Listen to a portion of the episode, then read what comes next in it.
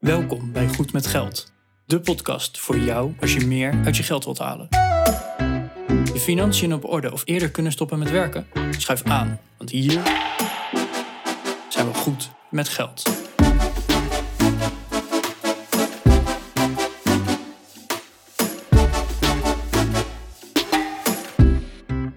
aflevering 97 van de Goed met Geld podcast. Ik ben Bas En ik ben Arjan. En ik ben eh, zo blij dat ik de intro weer mag doen. Yay! Goed gedaan, Bas. Yes. Beste luisteraar, even een kleine disclaimer voordat wij beginnen. Eh, we gaan het vandaag hebben over eh, nou, beleggen, onder andere in indexfondsen. En we gaan een aantal van die fondshuizen noemen.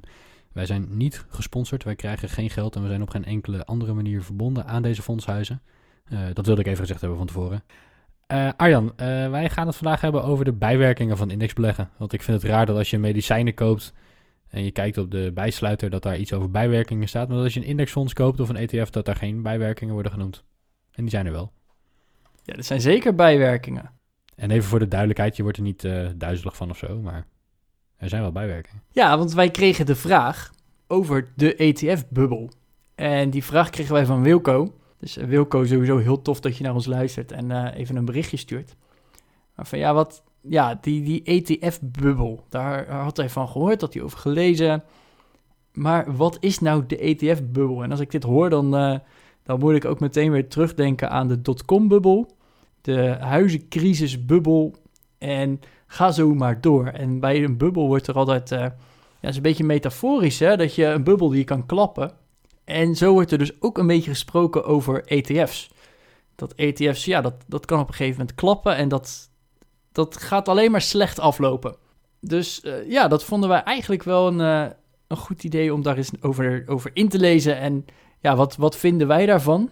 Wat is het precies? Ik denk dat dat nog veel belangrijker is. En is dat de enige bijwerking van een ETF? Ja, dat is inderdaad een goede om even mee te beginnen. We hebben het er vaker over gehad, uiteraard. Een ETF is een eh, Exchange Traded Fund. Met andere woorden, een beleggingsfonds dat je, waarin je eigenlijk als het ware een aandeel kan verhandelen op de beurs. Dus je kan eh, een ETF kopen, een aandeel in, een, in zo'n fonds. En wij gebruiken dat in, de, in het goed met geld zijn gebruiken wij ETF's met name om in indexen te kunnen beleggen. Omdat wij eh, van mening zijn dat als je index belegt, dat je het beter doet dan de markt. En dat is echt het enige aspect in het hele leven waarin gemiddeld zijn beter is dan eh, niet gemiddeld zijn. Nou, op zijn minst dat je het, hetzelfde doet als de markt.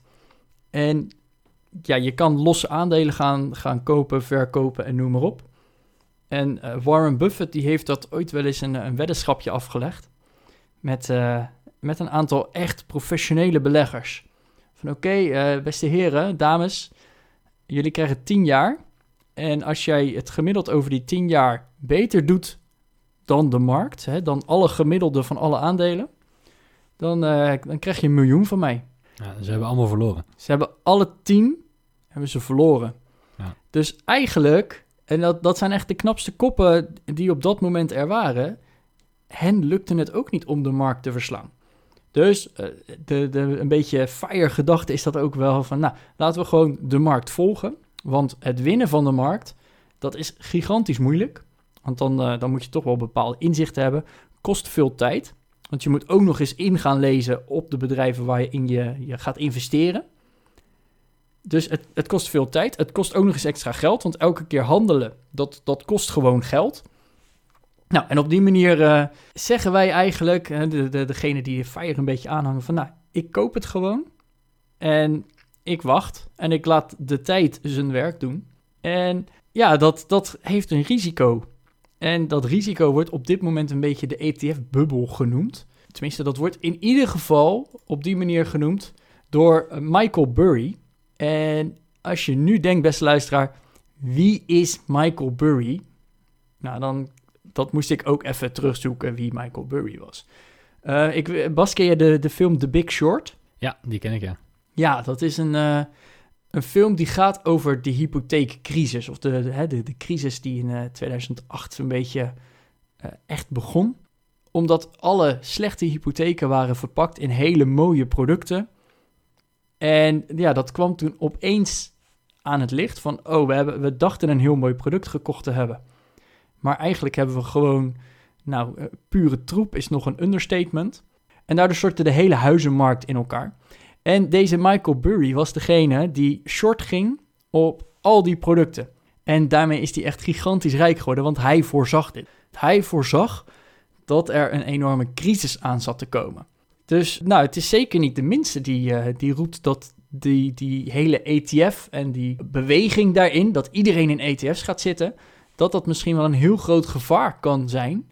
En hij is dus ook degene die dat eigenlijk een ETF-bubbel aan het noemen is. Ja, want wat er in feite gebeurt, hè, als, je een, uh, als je een indexfonds koopt, al dan niet in een fonds of in een ETF, dan maakt even niet zoveel uit. Dan, dan koop je eigenlijk alle aandelen die in die index zitten. En vaak in een, uh, zeker een marktgewogen index, koop je ze ook in de verhouding waarin die bedrijven in die index zitten. We nemen even als voorbeeld voor een index de AEX. En ik adviseer niet om in de AEX-index te beleggen. Ik zelf doe dat niet, ik beleg in een wereldwijde index. Maar stel dat je in de AEX uh, zou gaan beleggen, dan beleg je in 25 Nederlandse bedrijven. Dat zijn 25 bedrijven die, op de, ja, die, die in die index zitten. Nou, de grootste van die bedrijven die zitten wat meer relatief in die index dan de kleinere bedrijven. En op het moment dat de AEX als index 10% stijgt en jij hebt een indexfonds of een ETF die die AEX volgt, dan stijgt jouw waarde daarmee met 10%. Ja, en dat is, dat is heel mooi, hè, zo'n index. Dan denk je van, oh, de AEX, dat is 25 bedrijven. Maar die weging, dat is echt wel een hele belangrijke factor daarin. Ga maar even na, 25 bedrijven in de AEX. Als je dus 100 euro erin stopt, dan is het dus zeker niet zo dat je bij elk bedrijf voor 4 euro aandelen koopt. Nee, stel dat jij 100 euro in de AX stopt, dan wordt die 100 euro dus ook naar die weging verdeeld over die bedrijven en de aandelen in die bedrijven. En om je even een idee te geven, eh, ASML, dus de, de grootste partij op dit moment, of tenminste in, in maart was dat, dat is de grootste partij in de AEX, op dit moment in ieder geval, naar weging. En de AX bestaat voor 16% uit ASML. De kleinste partij, dat is ASR. Die, uh, die vertegenwoordigt maar uh, eh, 0,57% in de AX. Dus stel dat jij inderdaad voor 100 euro in de AX gaat zitten, dan komt dat neer op 57 cent in ASR en ruim 16 euro in ASML. En dat, dat zijn nogal grote verschillen ook nog eens. Dus het, het is ook niet zomaar dat je denkt van, oh, het is 100% echt precies gelijk verdeeld. Nee, zeker niet. Het is ook nog eens naar verhouding hoe groot zo'n bedrijf nou is. Dus het is een hele makkelijke manier om gewoon de beweging van de markt te volgen.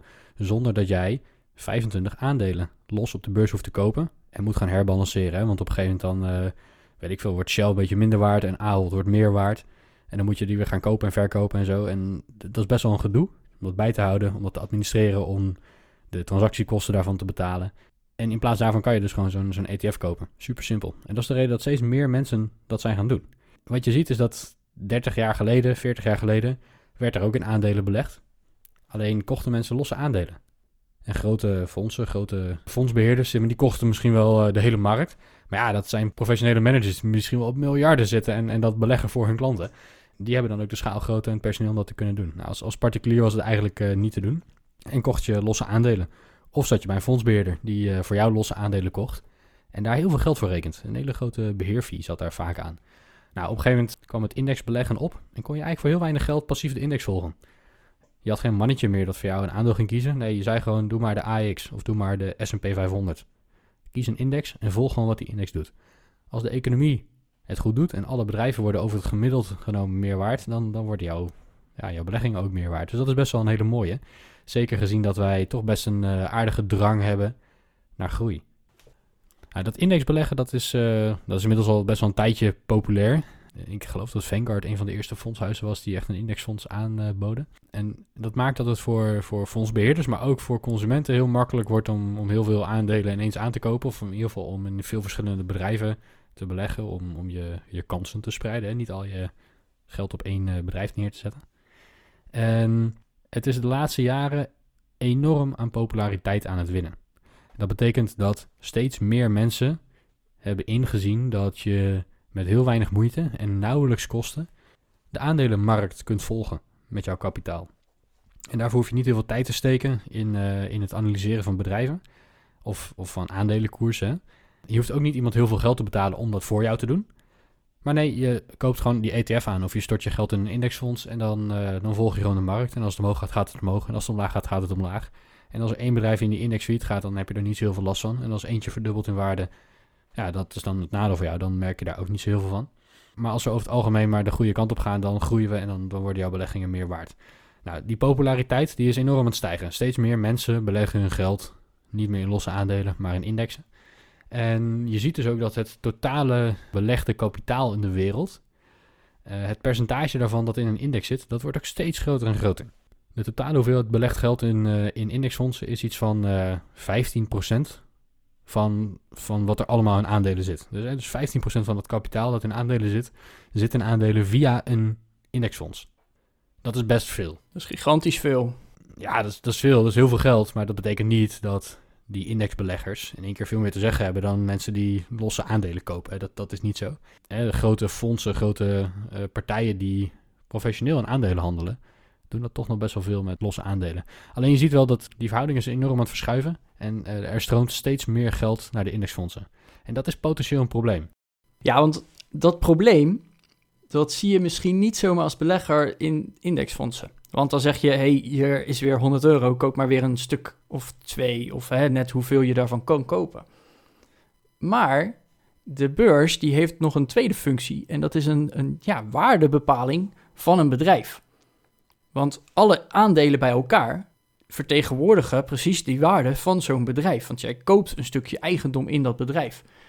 En op het moment dat jij zegt van nou, doe maar een, uh, een stukje in zo'n indexfonds, dan ga je eigenlijk gewoon kapitaal erin gooien zonder dat je onderzoek hebt gedaan. Je hebt geen onderzoek gedaan met hè, hoe staan de bedrijven ervoor, wat is de winstverwachting, is er eventueel verliesverwachting, gaan ze misschien binnenkort wel failliet, is er fraude mogelijk. Je hebt totaal niet naar de jaarcijfers gekeken. Nee, je zegt gewoon, hier is geld en volg de markt maar, volg het kapitaal.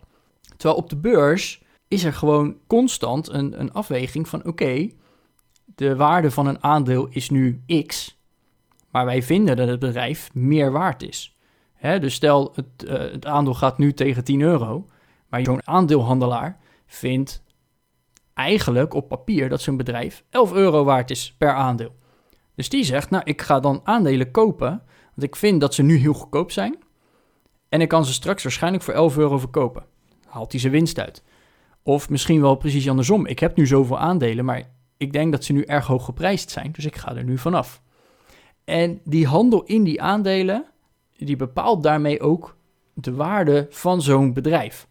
is er veel vraag en, of is er veel aanbod? Maar ondertussen ook, wat is iemand bereid ervoor te betalen? Nadeel met die ETF's en die, die, of die, die indexfondsen is dus dat er gewoon maar geld ingestopt wordt. Er wordt niet meer gekeken hoe doet een bedrijf het, wat zou de waarde zijn.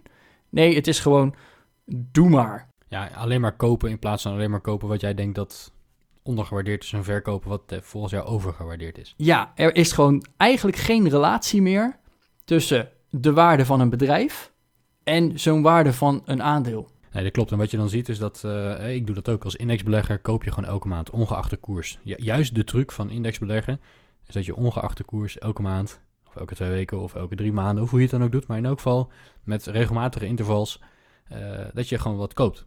En daar niet meer naar omkijkt en er niet mee gaat handelen. En pas over een hele lange termijn gaat verkopen als je dat geld nodig hebt om dan, om dan van te leven. Dat betekent dat stel dat iedereen, stel dat 100% van het kapitaal in aandelen in indexen zou zitten of niet in indexen, maar in indexfondsen zou zitten. Wat je dan krijgt is dat de beurzen alleen nog maar in een rechte lijn omhoog gaan. Er is immers niemand meer die verkoopt. Sterker nog, het gaat niet in een rechte lijn omhoog. De koers wordt oneindig, want er zijn geen verkopers. Dat is een probleem, hè? Dat, dat kan je misschien niet voorstellen, maar dat betekent dat er zodanig veel vraag is en geen enkel aanbod, want iedereen zit alleen maar te kopen, dat, dat de koersen enorm omhoog zullen gaan, ongeacht wat die bedrijven waard zijn. Als in wat, wat ze opbrengen, hè? wat ze aan winst maken en wat ze aan cashflow weer uitspugen. Dus dat is, dat is een probleem. Stel dat 100% eh, van de beleggers in uh, indexfondsen zou beleggen en alleen maar zou kopen en nooit meer zou verkopen. Gigantisch probleem. De hele beurs uh, zou kapot gaan. Dat, dat principe zou niet meer werken. En dat is wat er bedoeld wordt met de ETF-bubbel. De vraag is alleen, is dat echt zo'n groot probleem op dit moment en in de nabije toekomst? Ik denk van niet, eerlijk gezegd. Wat denk jij? Ja, ik vind dat heel moeilijk te overzien. En uh, dat is misschien ook wel mijn achtergrond ik ben geen econoom. Dus eh, hè, voor mij is, ik, ik heb me hier echt flink op moeten inlezen van, hé, hey, wat, wat is het nou eigenlijk? Wat is die ETF-bubbel? Dus ik, ik durf dat niet zo goed te overzien. Dat maakt het ook meteen een, een stuk lastiger. Van ja, moeten we hier nou rekening mee gaan houden? En daarbij moet je eigenlijk kijken van, oké, hoeveel geld van het totale kapitaal op de beurs zit, komt nu vanuit die ETF's? Nou, Bas, zoals je er net al zei, dat is rond de 15% ergens. Dus ja, op zich valt dat wel mee. Nou, wat je dus nu ziet is dat de indexfondsen zo'n 15% van, uh, van het kapitaal in aandelen beheren. Dat betekent ook dat 85% van het kapitaal in losse aandelen zit. Of dan ook van niet in, niet in indexfondsen zit. Dat kan nog in mutual funds zitten, maar dat zijn dan weer fondsbeheerders die beleggen in vaak individuele aandelen. Dat betekent dat als uh, alle indexbeleggers op de wereld alleen maar gaan zitten kopen en nooit gaan zitten verkopen, dan drijven zij daarmee de prijs van aandelen op. Maar dat betekent ook dat er kansen ontstaan voor handelaren in individuele aandelen. Die op een gegeven moment kunnen zeggen van wij vinden dat deze aandelen te duur zijn. Dus wij gaan ze shorten om, om geld te verdienen op het moment dat ze weer omlaag gaan. Of wij gaan uh, de aandelen die achterblijven, die nog net niet in de S&P 500 zitten... of die te klein zijn voor de AEX 25 of noem maar op... Die, die worden niet meer gekocht, dus die zijn te goedkoop. Terwijl de bedrijven wel winst maken. Uh, dus wij gaan die aandelen kopen, waardoor die koersen weer hoger worden. En uh, dat maakt dat de price discovery op aandelen op de beurs nog steeds blijft werken. Uiteraard, op het moment dat we op 100% indexbeleggen zitten, dan werkt price discovery niet meer. We zitten nu op 15%. Dus, dus ik zie het probleem nog niet zo. En ja, als we deze lijn doortrekken, dan komen we op een gegeven moment op een 50-50. Maar heel eerlijk, ook bij 50-50, ik denk dat die price discovery nog steeds mogelijk is. Er zullen altijd partijen zijn die zeggen van ja, maar weet je, nu is de realiteit zo ver uit verhouding met, met wat wij op de, op de koersen zien aan dat verschil kunnen wij geld verdienen. En op het moment dat je daar geld aan begint te verdienen, dan worden die koersen vanzelf weer gelijk getrokken met wat de realiteit eigenlijk opdraagt. Ja, risico daarbij wel is natuurlijk dat op het moment dat een indexfonds 50% eigenaar is van een bedrijf, ze dus ook meer dan 50%, 50 of meer zeggenschap hebben. Dat is als één fondsbeheerder uh, de helft van één aandeel zou bezitten. Juist. Bedoel je? Ja, precies. Ja. Dat is niet hetzelfde overigens als dat je 50% van het kapitaal op de aandelenmarkten in zijn geheel in indexfondsen zitten.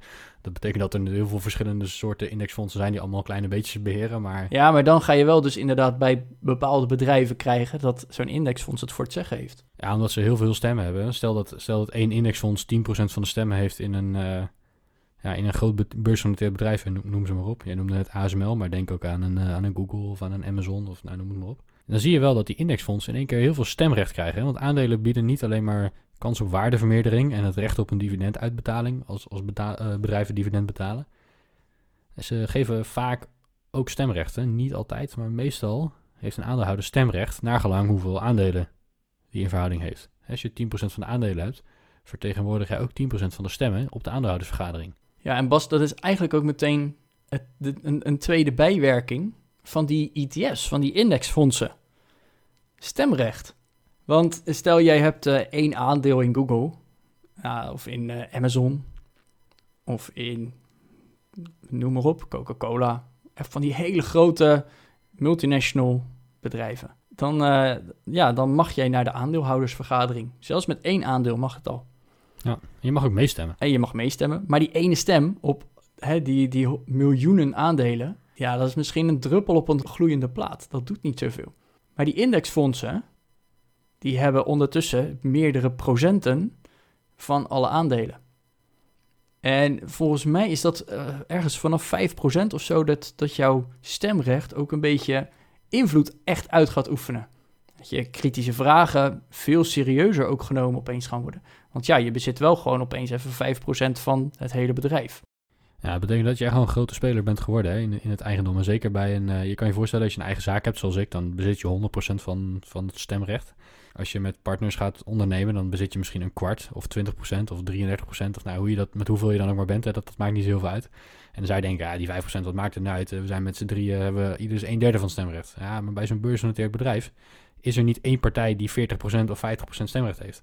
Het zou best wel kunnen dat bij een beursgenoteerd bedrijf iemand die 5% stemrecht heeft, by far de grootste is. Dat alle anderen misschien 0,03% hebben of nog minder.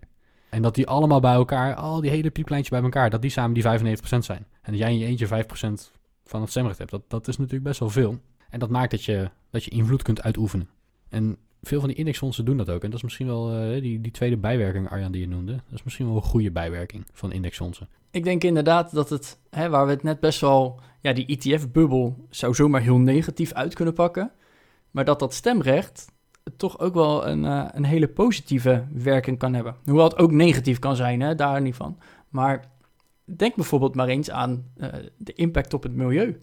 Wat doet zo'n bedrijf om de aarde te behouden of uh, naar de kloten te helpen? Daar kunnen opeens hele kritische vragen van komen door een van de grootste aandeelhouders, namelijk het indexfonds, van zo'n bedrijf. Nou, dat heeft nogal impact. Ja, absoluut. Hè. Waar je voorheen ziet dat aandeelhouders die worden gedreven door winst. Die hebben gewoon een economisch belang in een bedrijf. Uh, en een aandeelhouder wordt rijker als het bedrijf meer winst maakt. En als je daarbij de aarde een beetje naar zijn kloten helpt, dat uh, maakt niet zoveel uit. Dus ja, dan ga je niet stemmen voor energiebesparende maatregelen in een bedrijf. Als dat heel veel geld kost en waardoor je minder winst gaat maken, maar wel milieuvriendelijker onderneemt. Ja, als aandeelhouder ga je er natuurlijk niet voor stemmen, want jij wil winst maken. Nou, dat geldt niet voor iedereen zo. Hè. Kijk, als jij fondsbeheerder bent en je wordt afgerekend op de hoeveelheid winst die je op jouw aandelen maakt, ja, natuurlijk ga je dan stemmen op dingen die jou veel geld opleveren. Maar ik persoonlijk, ik zou misschien wel het goed vinden als ik een procentje minder rendement maak, maar we, we houden de aarde een beetje netjes en schoon. Dat zou ik het wel waard vinden. En, en wat je gelukkig ziet is dat, dat indexfondsen steeds meer stemrecht gaan uitoefenen ook op milieuvriendelijke en andere maatschappelijke, ik denk aan diversiteit bijvoorbeeld, initiatieven. En dat maakt de wereld een stukje mooier, denk ik. Omdat indexfondsen zeggen, wij vinden het belangrijk dat onze, dat, dat onze klanten, onze, de mensen die in dit fonds beleggen, dat die geld verdienen eraan. Maar we vinden ook dat we dat op een maatschappelijk verantwoorde manier moeten doen. En als je in je eentje bent en je hebt 1000 euro aandelen in een bedrijf, dan heb je helemaal niks te vertellen. Maar als je Vanguard bent en je hebt een paar miljard belegd, ja, dan heb je opeens wel een grote stem. En dan kan je dus ook echt daadwerkelijk invloed uitoefenen op het beleid van grote bedrijven om ervoor te zorgen dat ze beter hun best gaan doen. Ja, ik, ik, als ik dit nu aan het vertellen ben, dan denk ik ook wel van ja, maar wat nou als, wat nou als inderdaad een partij als Vanguard of BlackRock opeens zo ontiegelijk veel stemrecht krijgen, dat zij eigenlijk ja, bijna de, de dienst uit gaan maken, bijna de baas worden. Ik, uh, ik ben heel benieuwd hoe dat zich uiteindelijk zal gaan ontwikkelen. Zijn de mensen die dus investeren in zo'n indexfonds, kijken die dan ook nog een beetje mee van hey, wat voor invloed oefent zo'n grote partij nou uit? Daar, uh, daar ben ik dan nog wel benieuwd naar. Dat is wel een dingetje, want jij noemde het voorbeeld. Als jij één aandeel in Amazon koopt, dan mag je meedoen aan de aandeelhoudersvergadering, mag je meestemmen. Uh, als jij via jouw indexfonds in Amazon zit, mag jij dat niet. Hè? Dan is de, de fondsbeheerder die voor jou mag stemmen. Dus, dus dat is nogal een dingetje. Aan de andere kant, ik verwacht niet dat het zo'n vaart loopt. Hè? Want zelfs al zou het 50-50 worden, 50% indexfondsen in een bedrijf en 50% individuele aandeelhouders.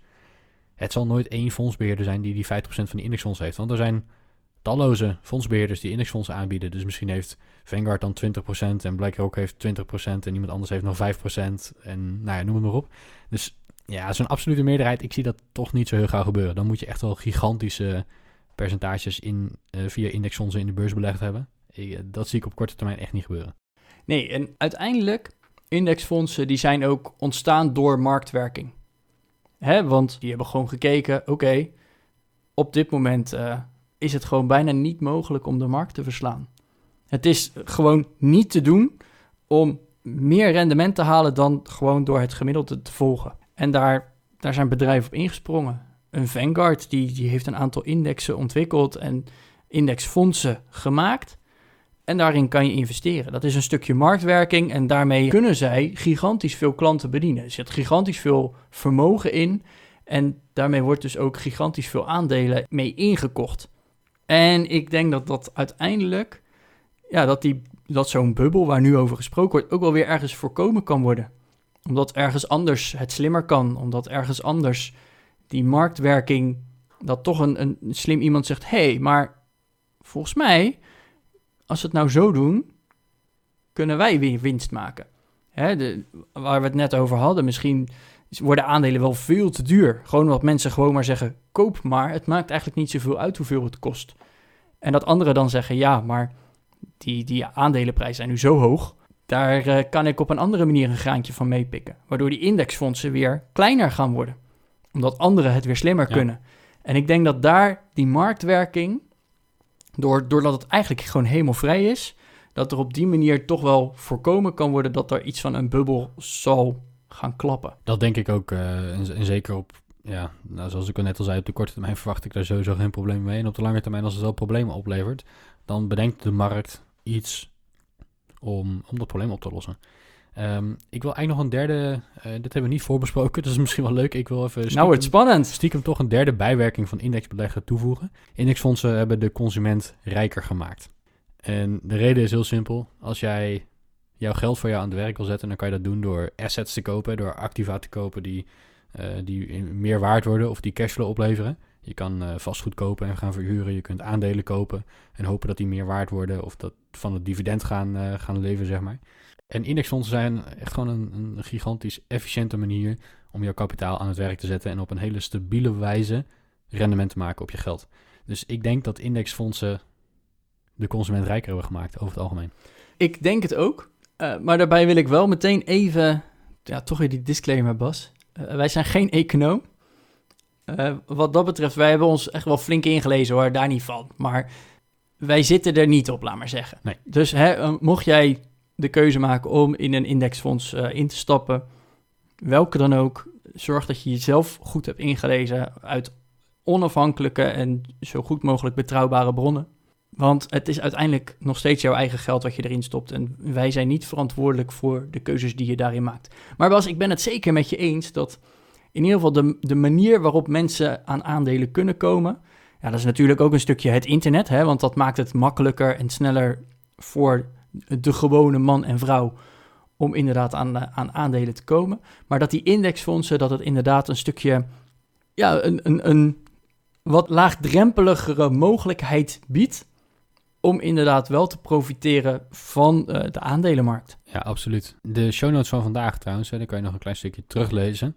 Die vind je op eh www.goedmetgeldpodcast.nl slash 097 voor aflevering 97 van de Goed Met Geld podcast. Vond je het leuk en heb je ons nog niet gevolgd? Doe dat dan even. Dat kan eh, bij alle grote podcast players. Spotify, Apple Podcast, Overcast, noem het maar op.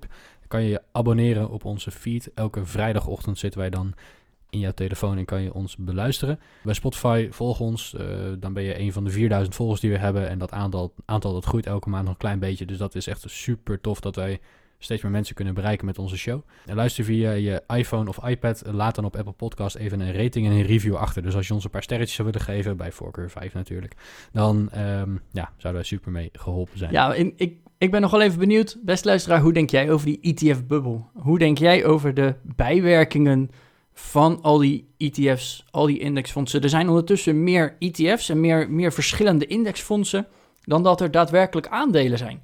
Dus er zijn, er zijn meer samenstellingen van aandelen dan aandelen zelf. Dus ik ben eigenlijk wel heel Ja. benieuwd naar jouw mening. Eh, die kan je natuurlijk achterlaten bij de show notes www.goedmetgeldpodcast.nl slash 097. Maar mag je ook gewoon in een, eh, in een berichtje naar ons sturen. Dat kan eh, in een DM, Goed met Geld op Instagram. Dat kan via Facebook, maar dat kan zeker ook gewoon via de oldschool e-mail gmg.goedmetgeldpodcast.nl. Laat vooral van je horen. En heb je net zo'n goede vraag als Wilco?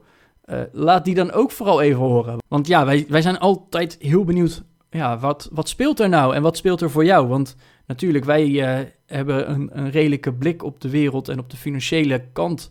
Eh, hoe kan je nou goed met geld worden? Maar misschien loop jij wel tegen hele andere dingen aan. En zeg je van, hey Bas en Arjan, ga het daarover hebben. Dus laat vooral van je horen, want ja, ook de Goed met Geld podcast, die wordt er alleen maar beter van als we feedback van jullie krijgen. En met dat gezegd, tot, volgende week.